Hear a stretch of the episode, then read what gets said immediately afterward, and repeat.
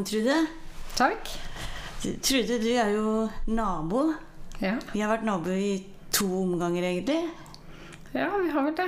Ja. Bodde, du og Linda bodde sammen her, og så Ja. ja, periode, og så forsvant dere ut, og så Kom jeg tilbake. kom du tilbake. Og Linda kom også for så vidt tilbake. I, I hver vår leilighet. Ja. Ja. Men jeg har bodd her hele tiden. Du har bodd her hele tiden. Mm. Nå, og det vi snakker om, er jo da Ullevål Hageby. Ja. Ja. Så hvor lenge har du bodd i Ullevål Hageby? Nå har jeg altså bodd her i blir snart 20, 22 år. Oi! Mhm. For da vi flyttet inn når datteren min var bare en måned gammel, og hun blir 22 år til høsten. Ja. 22 år. Ja. Ja.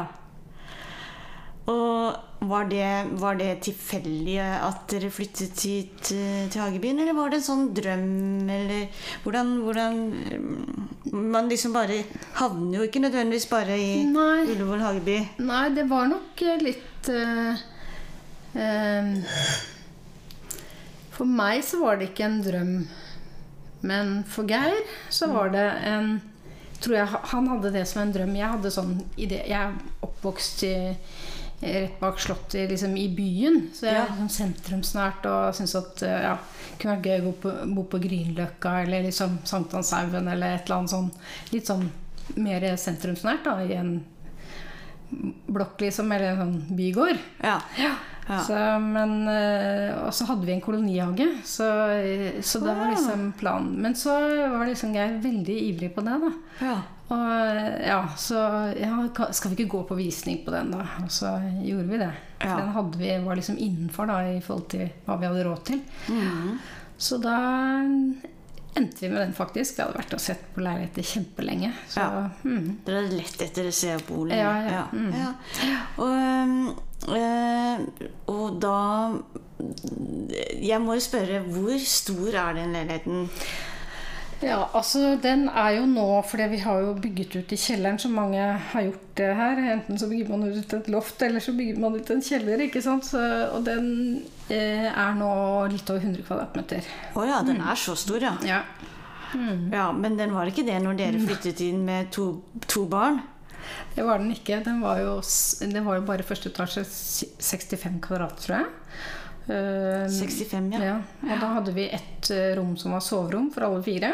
Ja. Og så hadde vi en stue og kjøkken og bad. Så Ja. det var det. Og det hadde vi i flere år før vi klarte å liksom få ut vingene og bygge ut og, og sånne ting. Mm. Og lage soverom. Så Så, så alle fire bodde da Ja. på ett rom. Så det er liksom litt sånn tilbake til gamle dager, da. ja, det var det. Og hele familien bor Ja. på ett rom. Ja.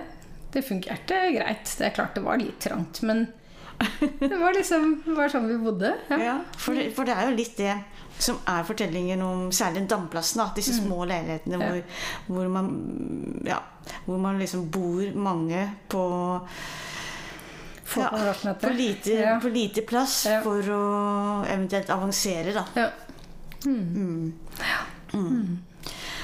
Og, nå, og, og hva syns du om å ha hage, da? Det syns jeg er veldig ålreit. Jeg er ikke noe sånn veldig sånn flink hagemenneske. Eh, Men jeg syns det er veldig deilig å ha den hagen. Sitte Ja. ute i hagen og Ja. Jeg syns det er ålreit å luke litt og klippe Ja. gresset. ja. Ja. Se på fuglene og ja, Ja. se at det kommer epler og ja. ja. Mm. Så det syns jeg er veldig deilig. ja. Og du er jo den første gjesten i, i Kveldsmatpodden som har med deg kveldsmat. det er jo det, det, det må jeg si, det, var, det likte jeg veldig godt. Og så er det som du har laget en sånn lekre Er det scones, eller hva er det for noe? Nei, eh, det er noen sånne italienske kjeks som jeg har kjøpt på Kolibri, da. Ja. Men eh, de er så gode, så de Ja. kjøpte der. Og så er det en pølse fra Kolibri. Ja. Og så er det en Kraftkar-ost Ja. med fikenmarmelade. Og så er det en Vesterbotn-ost med granskuddsirup. ja. Og det fikk jo jeg og deg, et eh, glass eh, med som du hadde laget selv. Granskudd eh, sirup fra Trevatn. Ja. Og det, det, det satte jo jeg veldig pris på. Fordi Trevatn er jo liksom mitt liksom barndoms... eh, ja, hva skal jeg si? Eh, barndomsferie- og tursted. Ja, ikke sant? Gang, Jeg bodde jo da på, i Overland, og da, hver gang vi skulle noe sted, så var det Trevatn som gjaldt. Altså, da var det speidertur, pølsetur, skitur, badetur. Så jeg, jeg er veldig glad for å få den smaken tilbake. Ja, ja, ikke sant? Ja. Ja. Jeg vet ikke om det er Trevatn-smak på den, men Nei, den kommer derfra. Den kommer derfra. Det er jo litt Jeg, jeg er jo sånn som har veldig sans, og, sans for akkurat sånne ting. da Ja. Historien bak, eh, bak maten. Mm. Og så er det, jo, er det jo sånn at du, du er jo utdannet kokk. Ja, ko- som jeg sier, kokk i bånn. Kokk i bånn. Ja, ja. Ja. Det er sånn, for meg så er det sånn Du jobbet bl.a. på Blom. Ja. heter Blom. Ja, Ja. Restaurant Blom. Mm. Ja. For det var Kunstnerrestauranten Blom. I Blom. Ja. Hva var signaturretten der, da? Var det Jeg tror ikke de hadde signaturrett på den tiden. Eh, Jeg kan ikke huske at det var noe spesielt eh, på Blom. Nå jobbet jeg liksom på Colt-kjøkkenet, da, så jeg eh, jobbet mye med forretter og desserter og sånn når jeg jobbet der. Så, mm, så det husker jeg rett og slett ikke om det var noe spesiell rett som liksom Det var ikke et sted som jeg hadde gått så veldig mye før jeg begynte der heller. Nei. Men det var sånn, ja. Ja, for det var jo veldig sånn for oss som, gikk, som var studenter. og Jeg var Ja. student på den tiden. Og, og da var det jo noen som hadde tatt seg råd til å spise på Blom. Og så var det sånn at jeg sammen med noen av mine venner hadde bestemt at den dagen vi, vi skulle var ferdige på, på sosialhøgskolen, da skulle vi gå til Blom. da. Men det ble aldri noe av. Nei. Jeg vet ikke om det var fordi Blom ble nedlagt, eller vi ikke hadde råd, eller hva det var. nei. Men det var, jo, så- det, var jo liksom, det var jo litt rykter. Det var jo litt sånn kjent, var det ikke det? Sagnomsus Litt. Jo, jo da, det var jo egentlig et sånt sted. Det var liksom en sånn kunstnerrestaurant, så det var jo mye sånn eh, Ja, det var sånn våpenskjold og sånn kjente folk. Eh, ja. Så, ja. Så det var nok eh, Men det hadde nok liksom kanskje eh, hatt sin storhetstid. Ja. At eh, når jeg jobbet der i Ja, på sånn i 85 eller 84-85, husker jeg ikke. Ja. Så, så, så var det jo et, det var et nivå på kjøkkenet, det var ikke det. Men jeg tror kanskje liksom den hadde utspilt sin Ja, eller sin rolle. Eller si, ut, litt sånn ut av tiden, kanskje. Vet Ja, ikke. ja. For det var litt sånn bohem, kunstner Ja. ja. Mm. Men eh, så, Og så ble jo hele dette kvartalet eh, eh, Altså det ble jo på en måte revet til alt innvendig. Mm. Og så ble jo forsvant jo Blom, da. Eh, Og så ble det jo Palais, liksom. Greia. På ja. Mm. Men fortsatte du å jobbe da som kokk, eller begynte altså, du å gjøre andre ting Nei, jeg, jeg allerede Altså, jeg tok jo læretiden min på Stefan-hotellet. Mhm. Ja. Og så når jeg var ferdig der, så begynte jeg å jobbe på, på Blom, da. Og, og da tok jeg liksom resten For jeg hadde noen, noen sånne, uh, sånne Ja, nå heter det studiespesialiserende fag, da, men øh, ikke sant, allmennfag, som det het den gangen. Mhm. Så jeg måtte fylle på for å få studiekompetanse. For jeg hadde liksom et mål egentlig om å kanskje studere økonomi og litt sånn Jeg hadde liksom det i, i bakhodet, da. Ja. Jeg Hva skulle du med økonomien, da? Nei, jeg vet ikke. Jeg hadde tenkt at jeg kanskje Ja, kanskje jeg liksom kunne ha en annen karrierevei inn i, i hotell- og restaurantbransjen. Det var litt uh, tanken, da. Så ja. har jeg liksom alltid syntes at økonomi var spennende. Så ja. Så da jobbet jeg faktisk ett år til etter at jeg var ferdig, og da Jo, når jeg jobbet på Blom, ja, så gikk jeg på Hegdehaugen, på voksengym. Oh, ja. Og så tok jeg noen fag der. ja. Og så Ja, og så året etter så begynte jeg på det som het eh, Den gule enke. Å oh, ja. Ja. Jobber du der? ja, Wow. ja, Husker du det? Ja, ja, ja. Det var jo liksom det var jo, Dette var Det jo sånn eh, jappe- jappe- jappetiden. Ja, dette var jappetiden. Det var skikkelig jappetiden, altså. Ja. Det lå i Hegdehaugsveien ja. Der hvor eh, det ble onkel Osvald Ja. eller noe sånt etter hvert. Ja. Så, ja, ja. nei, men der var jeg faktisk en gang Ja. heller, tror jeg. Mm, mm. Det. Så der jobbet jeg, og da begynte jeg å ta forberedende, da. ja. Ja. Så ja. Og så etter hvert så begynte jeg å studere økonomi, og så begynte jeg, var jeg litt på hotellhøgskolen, og så fullførte jeg økonomiutdanning på universitetet, da. Ja. Så, så det eh, så, så etter Gule enke mm, Fortsatte du da med kokke... Nei, det, det gjorde jeg ikke. Eh, Jeg hadde litt sånn sommerjobb som servitør, rett og slett. eh, Bare sånn for å tjene penger. Mm. Men jeg fortsatte ikke i kokkeyrket i det hele tatt. Så det har jeg ikke jobbet siden 80, 87 eller 80, ja, 86, 87. Og det er det som er så rart for meg, da.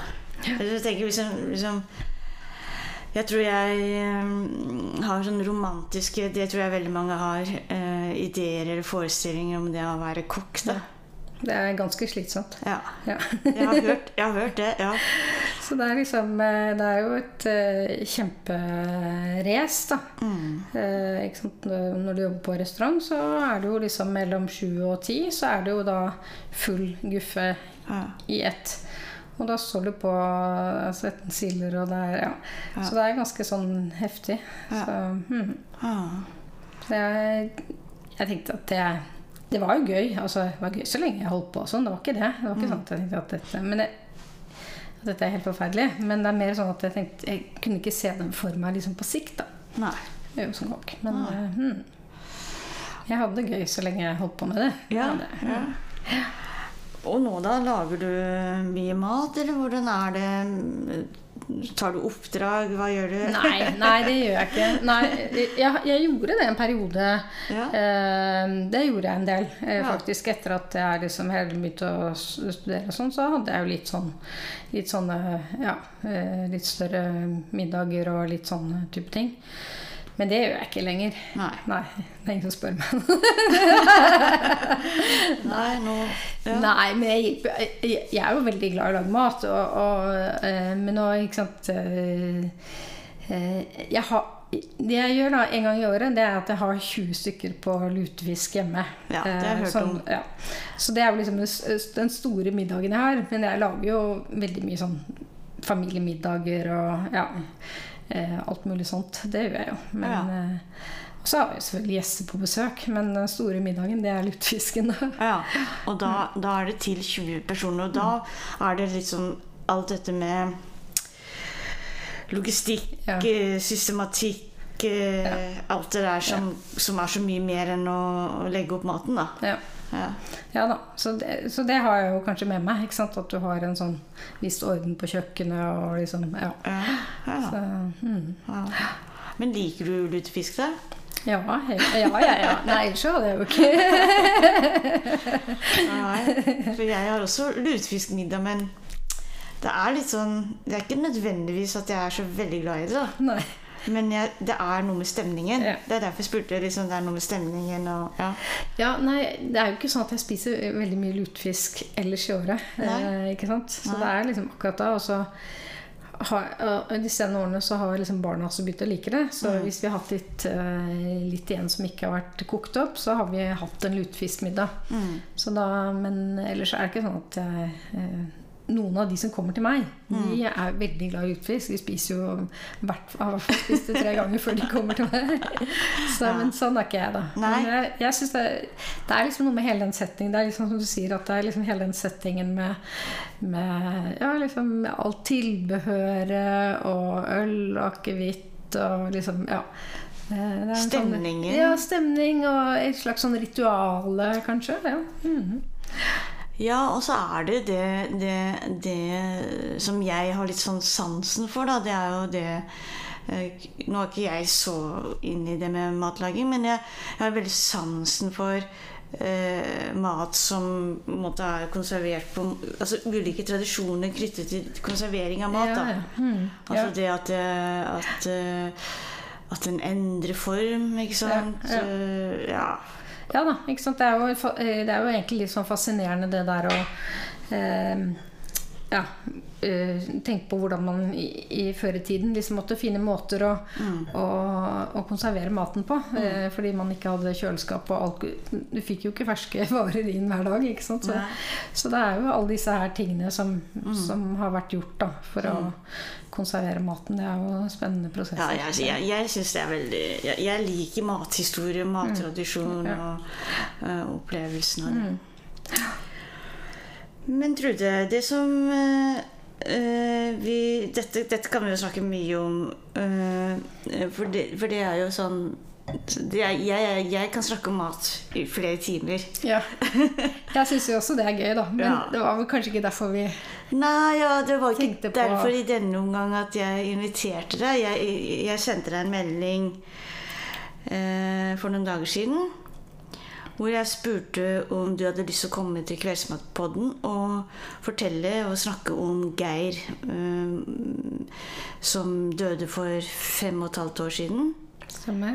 Ja. Og hva, hva var den første reaksjonen din når du, da du fikk den eh, Nei, henvendelsen? Var du, var du overrasket, eller hadde du ventet på det? Nei, jeg, nei, absolutt ikke. Eh, Jeg, jeg var litt sånn overrasket, fordi eh, Ja. Jeg, og det er ikke sånn at jeg ikke vil snakke om det. Det var bare det at jeg var litt, ble litt sånn Å, gud, ja, har jeg noe å fortelle, liksom? Tenkte jeg. At det var litt sånn eh, Hva er dette Hva skal jeg formidle? Eller hva Ja. Men eh, så sier du at det er jo ikke det som er viktig. Det er å fortelle en historie. Ja.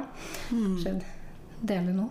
Dele, dele en, en, en, en veldig eh, livsendrende ehm, eh, hendelse, da. Mm. Altså, mis, altså du, du, du ble jo da enke, som, som det heter, i en alder av Ja, da var Rett jeg akkurat 50? Ja, jeg hadde akkurat fylt 50. Mm. mm, Så ja. Mm. mm. Og, og jeg, jeg kan jo dele det med deg, jeg vet ikke om jeg har gjort det, men jeg, jeg husker jo den morgenen. Eh, så står jeg Det er tidlig på morgenen, Mm. tror jeg. Og da står jeg som vanlig og kikker ut på damplassen. Oh, ja. Så ser jeg deg og Åsa. Det er datteren Åse. din. Åse, datteren din. Og det er altså noe med ansiktene deres, og det er noe med kroppen, og det er noe med holdningen, og, og jeg ser at det har skjedd noe. Ikke sant? Jeg ser at noe har skjedd, og jeg eh, snakker med Linda, da, vår andre nabo. Så jeg, det, det må ha skjedd noe. Kanskje hun også har vært på fest, eller eh, det, det, det så veldig dramatisk ut. Og så fikk jeg jo høre senere på dagen hva som hadde skjedd. ja. Ja.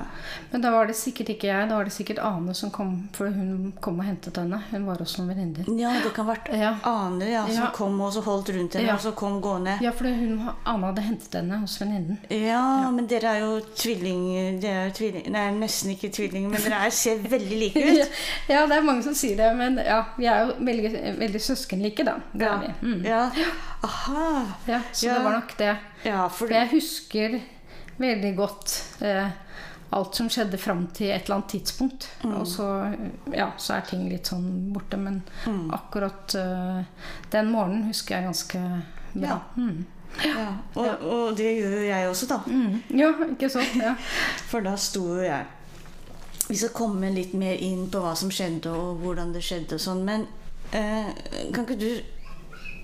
Jeg er jo også parterapeut, Ja. og det er jo et av de spørsmålene vi ofte stiller. er jo liksom Fortell om hvordan dere møttes. Hva er, hva er liksom historien til Ja, deg og? Geir? Ja. Ja, Kan vi ikke begynne det, der? Jo, vi kan begynne der. For det, det er jo litt morsomt, da. For det, eh, eh, vi traff hverandre rett og slett på smuget.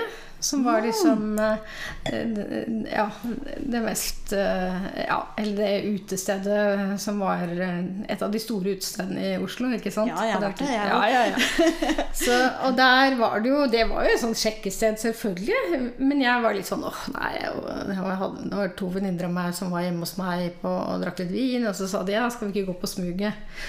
Jeg var sånn nei, nei, skal vi det, liksom? Må vi det? Og det var litt sånn Ja, ikke sant? Må vi det?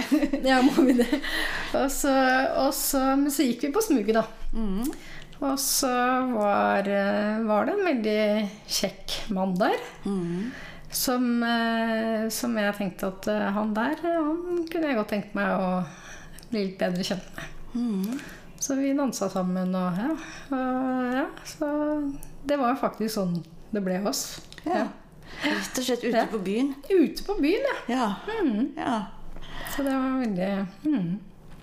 Og, og på en måte ble dere liksom veldig fort et par, eller brukte dere litt tid, eller? Nei, det var egentlig veldig sånn at vi ble ganske fort et par. Eh, fordi det var nok veldig sånn litt sånn ja, en sånn eh, ganske sånn sterk forelskelse, på en måte, som gjorde at vi var veldig mye sammen, og han flyttet nærmest inn hos meg. Men så ble jeg veldig fort gravid. Ja. Så jeg var jo Ja, etter bare noen måneder så var jeg gravid. Så da flyttet han jo permanent inn. Jeg hadde en leilighet på Sagene, så han flyttet inn da. Ja. Og det var jo litt sånn, det kom jo litt som et sjokk på meg at jeg skulle bli gravid etter så kort tid. Eh, så da var liksom sånn tanker om hvordan skal dette gå. ja. Det var liksom, ja. ja. Ikke har kjent hverandre så lenge, så var det Men jeg tror liksom både han og jeg var egentlig liksom klar for å få barn. Vi var liksom 30 år begge to. Ja, det var 30 år på ja. Ja. ok. Mhm. Og da eh, Da på en måte hva, hva, hva tenker du Eller når du tenker tilbake sånn Hva, hva var det ved, ved Geir som du forelsket deg så sterkt i? Nei, altså Jeg tror det var hans eh, liksom lune vesen og humor og Ja, så er han jo nordle var han jo nordlending, da. Så, så ja. Jeg tror det var liksom det. At han var liksom en sånn rolig fyr. Ja. Mm. Og lun. Lun, ja. Mm. Mm. Og humor og ja, veldig sånn Alltid, ja, alltid glad i å snakke med nye mennesker og imøtekommende. Og ja, han var liksom veldig sånn eh, Han slo en prat både her og der. Vi kom oss jo aldri hjem noen gang. Fordi at han, han skulle liksom snakke med alle. Ja, for han var liksom sånn veldig sånn sosial, Ja, ja, ikke sant. Slå en prat og ja. eh, Snakket om det ene og det andre. Ja. Mm. Ja, ja, han virket jo også som han var en veldig følsom mann. Ja, han var jo det for så vidt også. Mm. Kanskje det liksom I begynnelsen så var nok kanskje ikke det så tydelig, men at det kanskje liksom gjennom årene Ja. at han ble litt mer følsom. følsom. Men grunnen til at jeg sier det, er jo fordi da, da Geir døde Mm. Jeg kjente jo ikke dere. Nei. Jeg fikk jo bare hagen Mm. rett utenfor deres eh, Sånn som det er her i Hagebyen. Ja. Utenfor deres kjøkkenvindu. Men, men da leste jeg jo eh, veldig fine ting som kameratene hadde skrevet Ja. på Facebook. Mm. Og da var jo det som Altså det, det, som, det som kom frem der, var jo veldig akkurat det, det, det lune, morsomme, da. Mm. Ikke som at han sosiale eh, Men også det da at det var faktisk flere som snakket om det, hvordan de savnet samtalen med han, Mm. og hvordan han var en som lyttet. Mm. Eh, også, det var en kamerat som hadde opplevd noe fælt i barndommen, og den måten Geir hadde tatt Mm. Ja. imot han på, da. Mm. Som gjorde veldig sånn inntrykk, Ja. da. Sånn eh, Ja, og det, det, det vet jeg at, at han var en veldig god venn for, for mange. Eh, eh, eh, ja, mange av hans kamerater som på en måte sier at eh, han var en god samtalepartner. Da. Ja. Og liksom kunne snakke om ja, mange ting som kanskje menn vanligvis ikke gjør. Da. At det ikke er den derre bare snakke om fotball og, og sånne ting, men at det faktisk snakke om følelser og forhold og de tingene. Og vanskelige ting. Mm. Og, og, og jeg ble veldig slått av det, av Ja. de kamerat... Um, eh, sånn, sånn, liksom, sånn, som virkelig savnet han som venn, Mm. Ja, altså. ja. Mm. Mm. Mm. Og uh, så fikk dere da barn. Ja, det, vi fikk først en, en, en gutt. Ja. Som kom da uh, ja elleve måneder eller noe sånt etter at vi traff hverandre. Så det var jo litt sånn Ble jo kasta litt inn i det der å, bli foreldre og, og sånne ting. Så det var jo litt det var jo litt tøft, det. I og med at vi, som jeg sa, ikke, ikke kjente hverandre så godt. Vi hadde jo liksom knapt bodd sammen. Og liksom, så vi ble liksom kastet i det, da. Men Geir han tok alt. eh, liksom Sto i skro og ja, ble kjent med min familie. Og, ja, Ja. Altså, og vi var jo, dro jo nordover og traff Geirs familie, da. Så eh, ja. Mm. Så, men det er klart, det er jo litt sånn eh, Du bruker kanskje litt lengre tid på å få til liksom, samboerskapet når du ikke eh, har kjent hverandre så lenge, rett og slett. Ja. Ja, for det, det Dette har jeg hørt litt om, da. Ja. at eh, at eh, det er jo det første på en måte ikke rekke å liksom ta sødmen Mm. helt ut før ansvaret begynner. Det er jo mange som kjenner på Ja. som et sånn litt sånn dumt, da, eller Mm. et savn. Og det andre er jo at det, det å bli samboere, det er jo én ting, for da skal man jo Altså, man skal jo på en måte forhandle, man skal lære seg sine vaner og uvaner og hverandres vaner og uvaner og tilpasse et hverdagsliv. ja, ikke sant? Og så i tillegg da få et barn, da, som, som vil jo på en måte kreve Som vil kreve eh, Hva skal jeg si Sånn som jeg har hørt det, da. eh, en veldig trygghet hos hverandre. Ja. På at alle de situasjonene som oppstår, eh, de, de er ikke farlige. De får dere til. Ja. Ja. ja. Nei, det var jo ikke sant Det der å liksom ja, gå fra singeltilværelsen inn inn i liksom samboerskap og barn, det var, gikk jo liksom med eh, rekordfart, ikke sant? Så du, du måtte jo liksom eh, Ja. Prøve å tilpasse. Men, men Geir var veldig sånn tilpasningsdyktig, syns jeg, da. Eh, så han var liksom eh, rett inn i familien og ja. Ja. Så var vi heldige, for det, moren min Moren min ble jo syk liksom, de siste årene før hun døde, men da var hun frisk og opplagt og syntes det var kjempestas å få barnebarn. Og, barn eh, sånt, så da hadde vi jo liksom my veldig mye hjelp i dem. Og så eh, Roy, som moren min var sammen med, hun nei, eh, de, de var jo veldig eh, opptatt av Jakob, eh, den eldste, da, og liksom tok ham med overalt. Og Roy ble også veldig god venn med, med Geir, da. Mm. Så mm, ja. Så det var liksom egentlig veldig fint for oss at de ble litt involvert i det. Tenker du også at det, det var noe viktig eller noe fint for, for forholdet deres at dere fikk ansvar så mm, tidlig? Jeg vet jo ikke, jeg vet ikke om noe annet.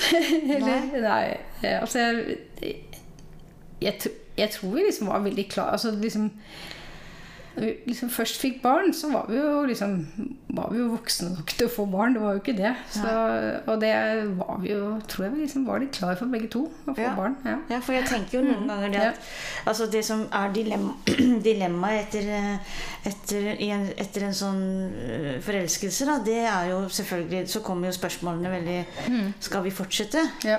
Hva, hva skal til? Er vi trygge? Er vi sikre? Vil vi egentlig dette? Og det slapp jo dere på en måte, da. Ja. Dere gikk jo liksom rett over i et eh, Ok, neste fase. Ja. Eh, mens der er det jo mange som, som også mister hverandre litt. Mm. Fordi de, de må kjenne så veldig etter. Er vi Ja. klar for dette? Og, Ja. Så det, det er jo sikkert flere inngangs... Eh, men hvis du skal, så, så, så, så, så, så får du jo da Jakob, og så blir det familie og etablerer og hvordan, hvordan tenker du liksom forholdet ditt, ekteskapet ditt eh, til Geir eh, har vært etter et eh, hva, hva, hva, hva, liksom, Ja, altså hvordan vi har hatt det gjennom årene, da. Vi Ja. var jo sammen i Hvis jeg, Han døde i 2016, og vi traff hverandre i eh, 95, var det jo. Ja. Så vi var jo liksom sammen i 21 år, da. Mm. Nei, altså vi, Det gikk jo litt sånn opp og ned. Det er klart det er, jo krevende Det er jo alltid en krevende fase, det der med små barn og skal ha tid til hverandre og alt det der. Så det var jo liksom noen ganger det var ikke var så bra, da. Absolutt. Så, men jeg, jeg syns liksom at ungene ble litt større og eh, Vi hadde nok veldig sånn ulike Vi hadde en del ting som vi hadde felles, som var litt sånn å være ute og gå på tur og litt sånn type ting. Men, men så hadde vi liksom hver våre interessefelt, da. Hvor, Som vi liksom eh, Ja. Geir var veldig opptatt av klatring etter hvert og, og holdt på mye med det. Og jeg hadde mine ting som jeg drev med. Gikk turer og var ute på teater og kino og litt sånn, mer sånn kulturelle ting. da. Så, så det, det tror jeg Vi hadde noen få ting som vi, som vi liksom var opptatt av sammen. Og så var det liksom eh, det at vi kunne holde på med vårt. Og det tror jeg kanskje gjorde at, eh, at det ble bra, da. Og, og, og så skjer det, da. Eh, forferdelige og grusomme. Eh, som, som jeg har tenkt mye på. Det, det, man kan aldri forberede seg på en sånn beskjed om at eh, ens nærmeste, enten det er partner, kjæreste, nærmeste venn eller barn, eh, er død. Fordi eh, jeg er jo en person som tenker masse på døden, og har jo i har jo annonsert min e egen død i mange sammenhenger. Bare si at dere må bare forberede dere på altså, Har du skrevet testamentet? ja, ja, ja liksom jeg, jeg driver mye med det der, og, og folk rundt meg er veldig lei av det der. Men, men jeg tror nok at jeg, det er en måte hvor jeg øver meg på å få den forferdelige beskjeden, eh, eller at andre skal få den. Så jeg øver meg ved å tenke og snakke om at ja, men det skal jo skje. For det skal skje. Det skal skje, men det, Skal skje. du vil jo ikke at det skal skje. Nei. ikke sant? Så det er Nei, men, men jeg er nok eh, veldig Jeg har vært det hele veien. Jeg er allerede på eh, sosialskolen så skrev vi opp lister hvem, hvem av oss dør først. ikke sant? Og så nå er det heldigvis ingen av oss som, på den listen som er døde ennå. Men, men det derre eh, Jeg tror det er, det er min måte å øve meg på å få et budskap. For jeg tenker mye på det. ja. Og du fikk det. Ja, det gjorde jeg. Ehm, og det var jo eh, et sjokkbudskap. For han døde jo veldig brått og veldig langt unna. Så det var jo liksom to ting på én gang. Eller det var egentlig mange ting, men det at eh, han var jo i Thailand på, på klatreferie sammen med noen kompiser. Og så hadde han liksom tatt seg en sånn langtidsferie, så han skulle være borte i fem uker, var det vel? Husker, nå husker jeg ikke hvor mange uker, men liksom litt sånn langt, eh, lang tid borte og bare slappe av og klatre og ja. Mange av de kompisene hadde jo vært der i årevis på sånne lange ferier, så han hadde lyst til å være med på det. Så, og så dro han av gårde midt i romjula og ja, hadde det bra. Fikk noen tekstmeldinger, og så snakket jeg med han eh, på telefon, for jeg hadde søkt en ny jobb. eh, Så jeg måtte fortelle. Jeg søkte jobb og skulle på intervju og sånn. Og så, Det var torsdagen, og på natt til søndag da, etterpå så skulle han komme hjem noen dager etter. Da fikk jeg en telefon på morgenen klokka fire. Og, og da var det en, eh, en kompis han som, som ikke var der akkurat der hvor han var, men han hadde fått beskjed om å ringe meg, da, for han hadde telefonnummeret mitt. Og da fikk jeg beskjed om at han var funnet død på, i bungalowen sin. da. Mm. På gulvet. På gulvet. Eh, og da hadde de kompisene Dagen før så hadde han gått uh, Det var ganske varmt, og han hadde liksom ja, ikke følt seg så Han følte seg litt uvel. Og det kan du jo liksom tenke at du gjør hvis det er veldig varmt. At du ikke føler deg helt i form. Han hadde i hvert fall gått, gått etter lunsj, liksom, og gått i bungalowen. Og så dukket han ikke opp til middag. eh, og så hadde de andre tenkt at da er han sikkert ikke i form. Så sikkert bare slapp av. Ja. Og så hadde han eh, Så hadde han en kompis som han spiste frokost med hver morgen. Så da han ikke dukket opp til frokosten, så begynte han å ane liksom, at her var det et eller annet. Om han var sjuk eller hva det var. Så han gikk jo opp der og, og fant han død i bungalowen. da. Så da hadde de prøvd å komme inn Da hadde han holdt ham på badet, så de kom ikke inn på badet, for han lå stengt. Så da måtte de inn via taket for å se hva som har skjedd. At de måtte Inn via taket. Mm, mm. Så da lå han død på badegulvet, rett og slett. Og, og hvor gammel var, var han da? Da var han 51, vel? Mm. Ja. Mhm. Mm. Og, og, og så får du denne beskjeden klokken fire om natten. ja. Husker du noe fra den Jeg husker det veldig godt, for jeg, eh, jeg hadde eh, Vanligvis så pleier jeg å slå telefonen på natten, for jeg vil ikke ha noe forstyrrelser. forstyrrelser. Men så hadde jeg på telefonen fordi datteren min var eh, ja, på fest og, eh, eller ute med noen venninner og skulle overnatte borte og sånn, så tenkte jeg jeg skal ha på telefonen hvis det er noe. mm. Så da fikk jeg vel først en tekstmelding, og så ringte telefonen, og da tok jeg den. Eh, og da var det han kompisen som ringte da og fortalte om dette. Og først så skjønte jeg liksom, så sa han bare at jeg er ikke der nå, men jeg skal gå og eh, undersøke litt mer om hva som har skjedd. Han hadde bare fått budskap om at de hadde funnet han død. da. Mm. Og så gikk jeg liksom tenkte jeg, Gud, herregud, eh, dette er jo helt forferdelig. Og så gikk jeg liksom opp i stua, og så skjønte jeg dette, dette kan jo ikke være sant. Eller er det sant? Og så bare begynte jeg å skrike. Mm. Jeg måtte liksom bare ha ut et eller annet sånn eh, Og det er ikke sånn at jeg begynte å hylskrike, men bare brøle det ut. Og da våknet jo sønnen min. Han var jo hjemme. Så da eh, sto han opp, og så fortalte jeg hva som har skjedd. Og så eh, tenkte jeg nå må jeg liksom snakke med noen Altså jeg må liksom varsle og liksom ja, bli veldig sånn praktisk da, i sånne sammenhenger. Sånn at jeg må liksom ja, få beskjed, og så ringte jeg liksom folk rundt. Men det var jo ingen som var våkne. Det var klokka fire på natta. Mm. Og så prøvde jeg å ringe ambassaden, men det mm, var det jo ingen som tok telefonen. For det var jo morgenen, og ja.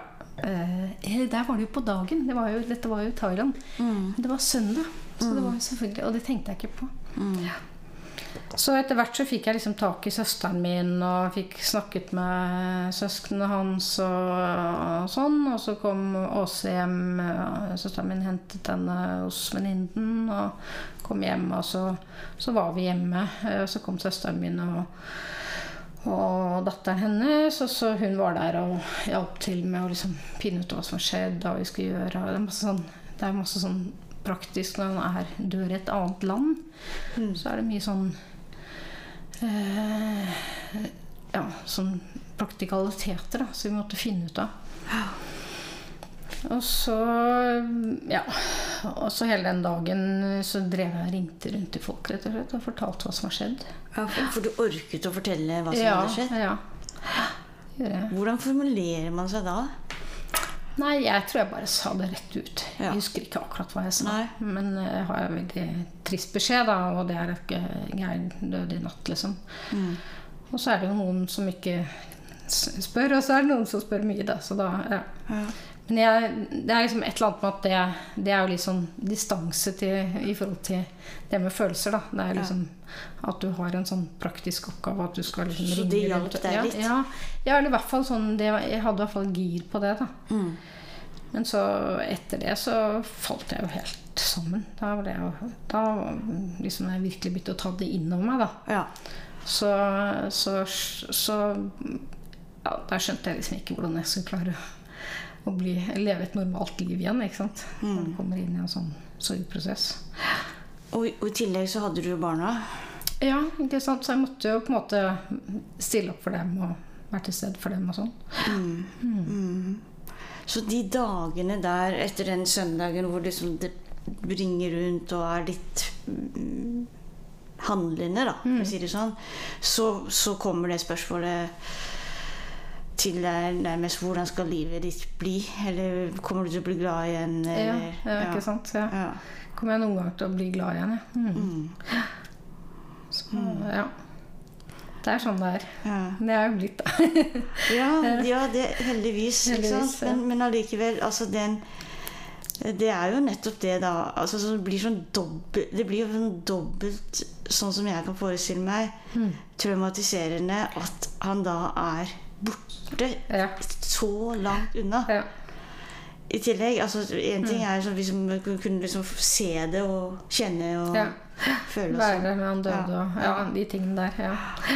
ja. Nei, det, det var jo ekstra Det var liksom Det fokuset jeg hadde, var å få han hjem til Norge så fort som mulig. Ja. Og det var jo en kjempeprosess, fordi eh, det var masse papirer som måtte i orden, og det var liksom Men jeg hadde god hjelp av ambassaden i, i, i Bangkok, da. Eh, og så, så da mm, kom han hjem etter 14 dager, da. Mm. Men da, da hadde han vært så lenge død at de anbefalte meg ikke å, å se ham. Så jeg så han ikke etter at han var død. Nei. Nei. Men hentet dere han? Nei, vi dro ikke dit. Nei. Nei. Han, han ble sendt øh, ja, Ja.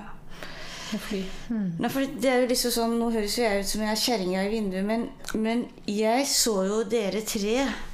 Og da trodde jeg eh, med drosje og masse kofferter og bager eh, Så da trodde jeg kanskje at dere reiste til Thailand, men det gjorde dere ikke da.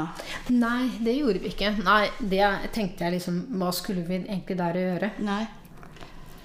Um, Mm. altså, det ja. Men da dro dere et annet sted, da? Kan du huske at dere dro Kanskje dere dro nordover? Det kan være.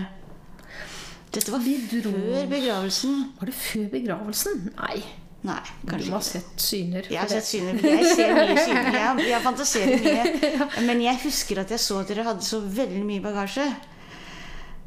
Og det var dere tre. Og det var drosje. Før begravelsen? Nei, det kan være etter. Det kan være Det må ha vært etter, for vi var eh, bare?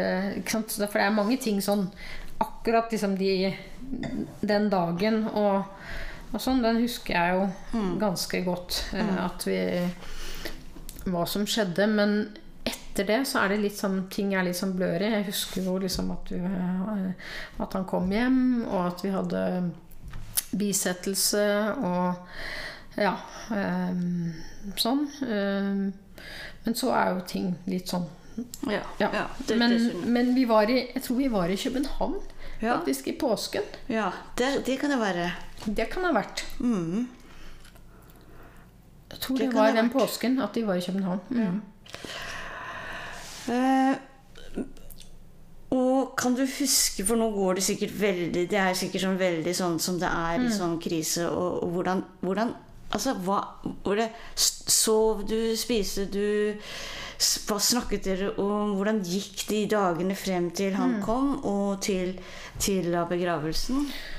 Var det noe, hva var, det som holdt Ja, altså, dere flytende? Hva var, Ja, hva var det som holdt oss flytende? Det var eh, Altså eh, Det var jo litt sånn at eh, At vi At det var oss tre, da. Altså, Søsteren min bodde hos meg noen dager. Og så var det jeg og barna som på en måte eh, var sammen. Men dattera min hun var veldig sånn bestemt på å begynne på skolen igjen ganske raskt. Og ikke liksom være borte fra skolen Ja. bare for det. Hun ville tilbake igjen til venninnene sine og leve liksom normale livet. da. Ja. Eh, Men sønnen min han hadde liksom hatt, hadde et sånn friår, så han var mye hjemme. Så det var han og jeg som var mye hjemme. da.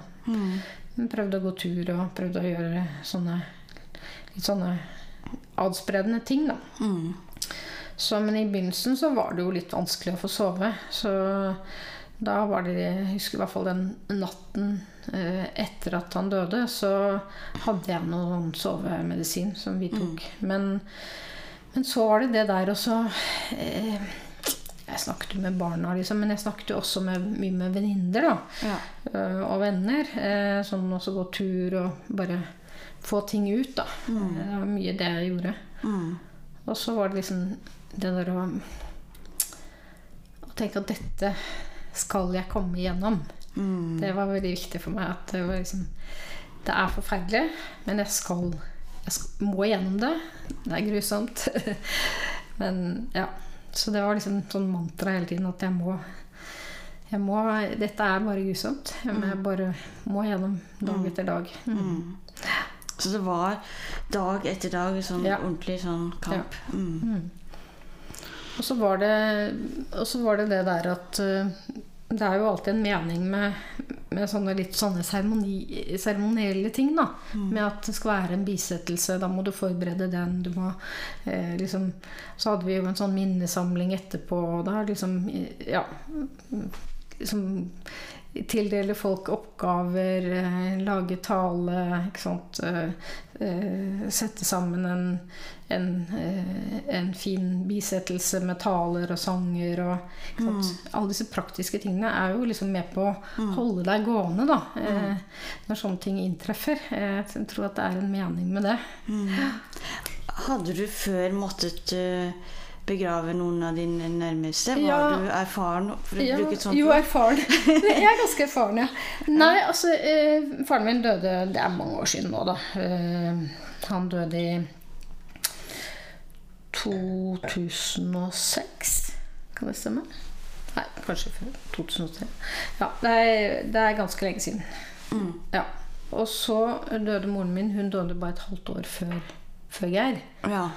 Så eh, Og så hadde jeg en stebror som døde ganske tidlig. Så det, var, så det var, hadde vært litt sånn dødsfall i familien. Så hadde jeg noen besteforeldre og sånn, men det er jo liksom litt mer vanlig. Mm. Men eh, ja. Så da hadde jo ja, så hadde jeg en onkel som døde litt før moren min, og tvillingsøsteren til moren min som døde et år før det. Så, så var liksom, hadde vært mye sånn dødsfall i familien ja. eh, i løpet av de to årene. Da. Eh, så det- Hvor du også måtte ta stilling til å, å arrangere Ja da. et sånt, Ja. sånt, Fortell meg om den eh, eh, Hvilken dag ble han begravet? Eh, Var det 23. februar? Nei, skal vi se 12. februar. ja, så det tok såpass lang Ja, tid etter. Fordi han, eh, han ble jo funnet 24. januar. Mm. Og så kom, gikk det to uker, og da fikk vi den bisettelsen ganske fort. Så da var det, tror jeg det var 12. februar. Mm. Mm, det var det. Så det husker jeg nå. Mm. Og, og hvilken dag på hvilken, Husker du ukedagen? Er det en fredag, eller er det Nei, det husker jeg ikke. Nei. Så, så hva Fortell litt sånn Jeg var jo ikke der. Eh, jeg syns ikke jeg kjente deg på det tidspunktet. Nei. Eh, men, men litt sånn Fortell meg litt eh, om den seremonien. Ja, den var jo liksom viktig for oss alle, da. For det, vi ville jo på en måte sette litt eh, preg på den. Og, og Geir var jo veldig glad i musikk. Så jeg hadde jo eh, Ja, søsteren til Geir eh, hadde liksom noen ting som hun ville ha, og så var det eh, barna og jeg hadde noen ting, men så hadde jeg eh, eh, eh, eller, eh, samtaler med, med Geirs eh, kompiser.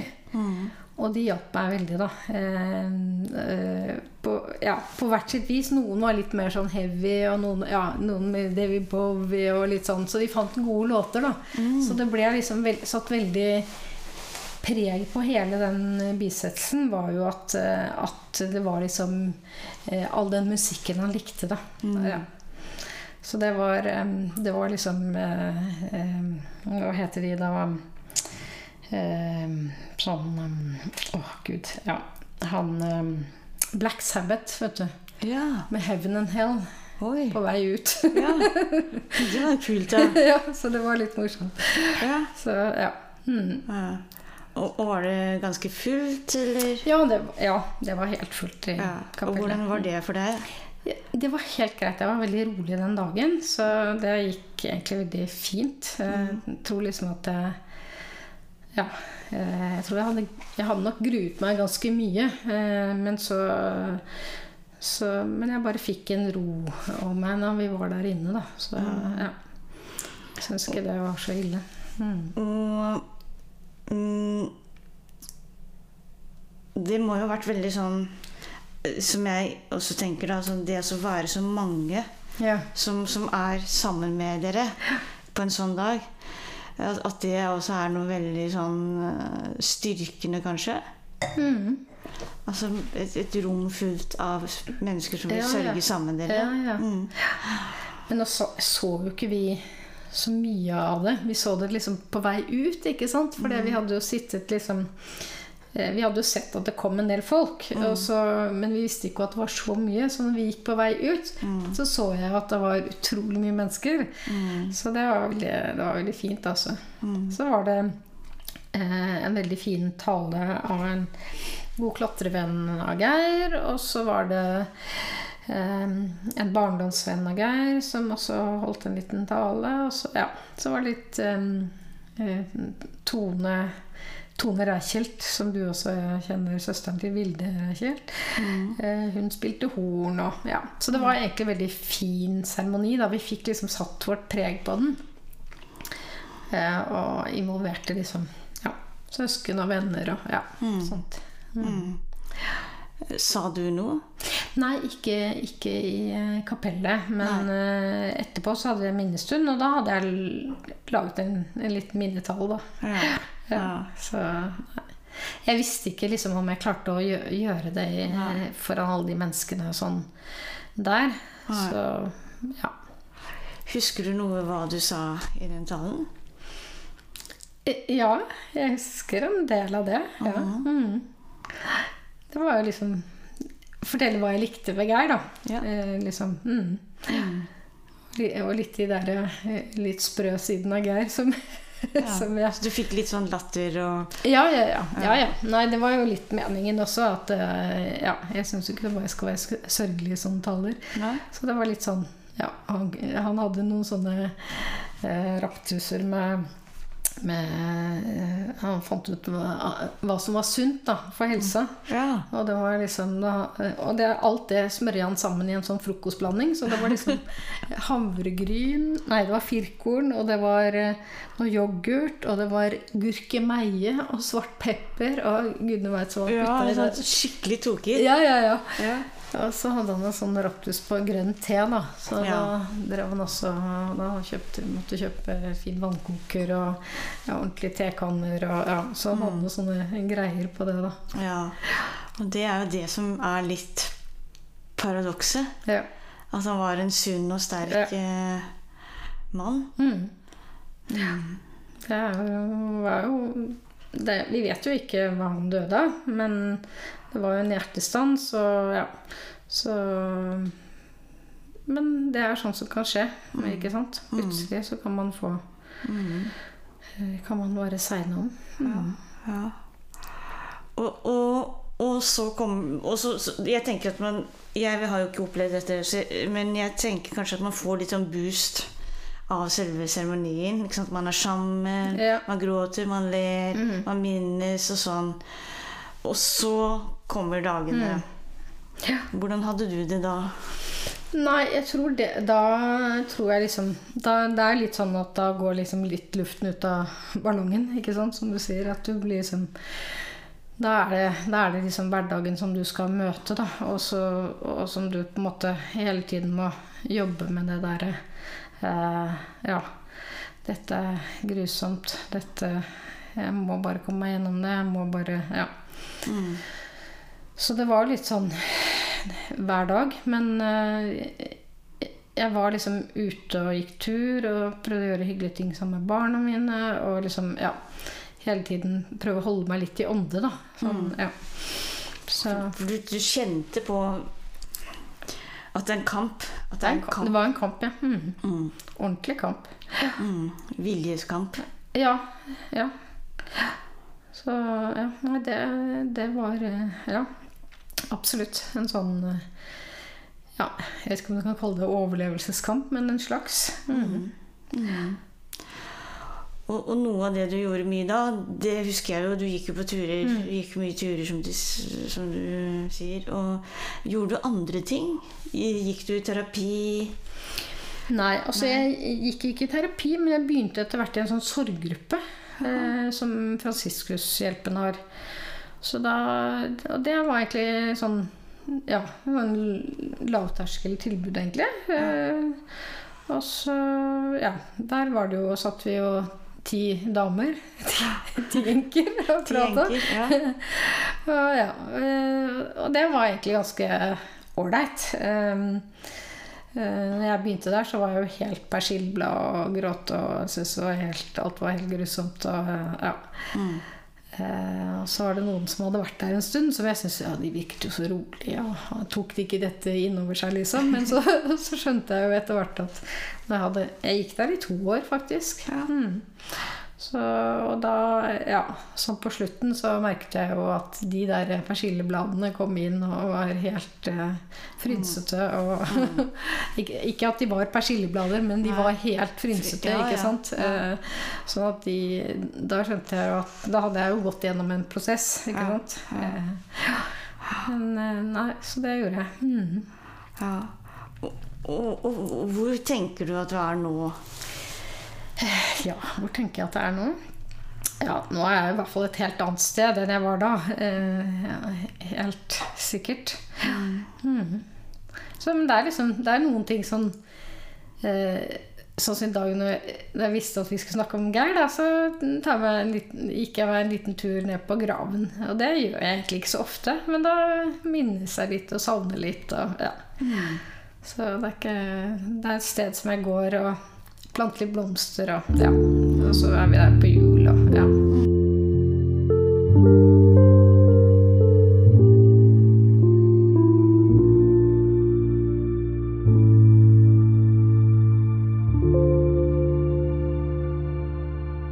Kveldsmatpodden. Takk for at du hørte på Kveldsmatpodden. Den er laget av Anne Øfsti i samarbeid med Forfatterskolens rektor, Kristine Storli Henningsen. Musikk av Torjus Hepsø Gullvåg. Følg oss gjerne på Facebook og Instagram, hashtag Kveldsmatpodden.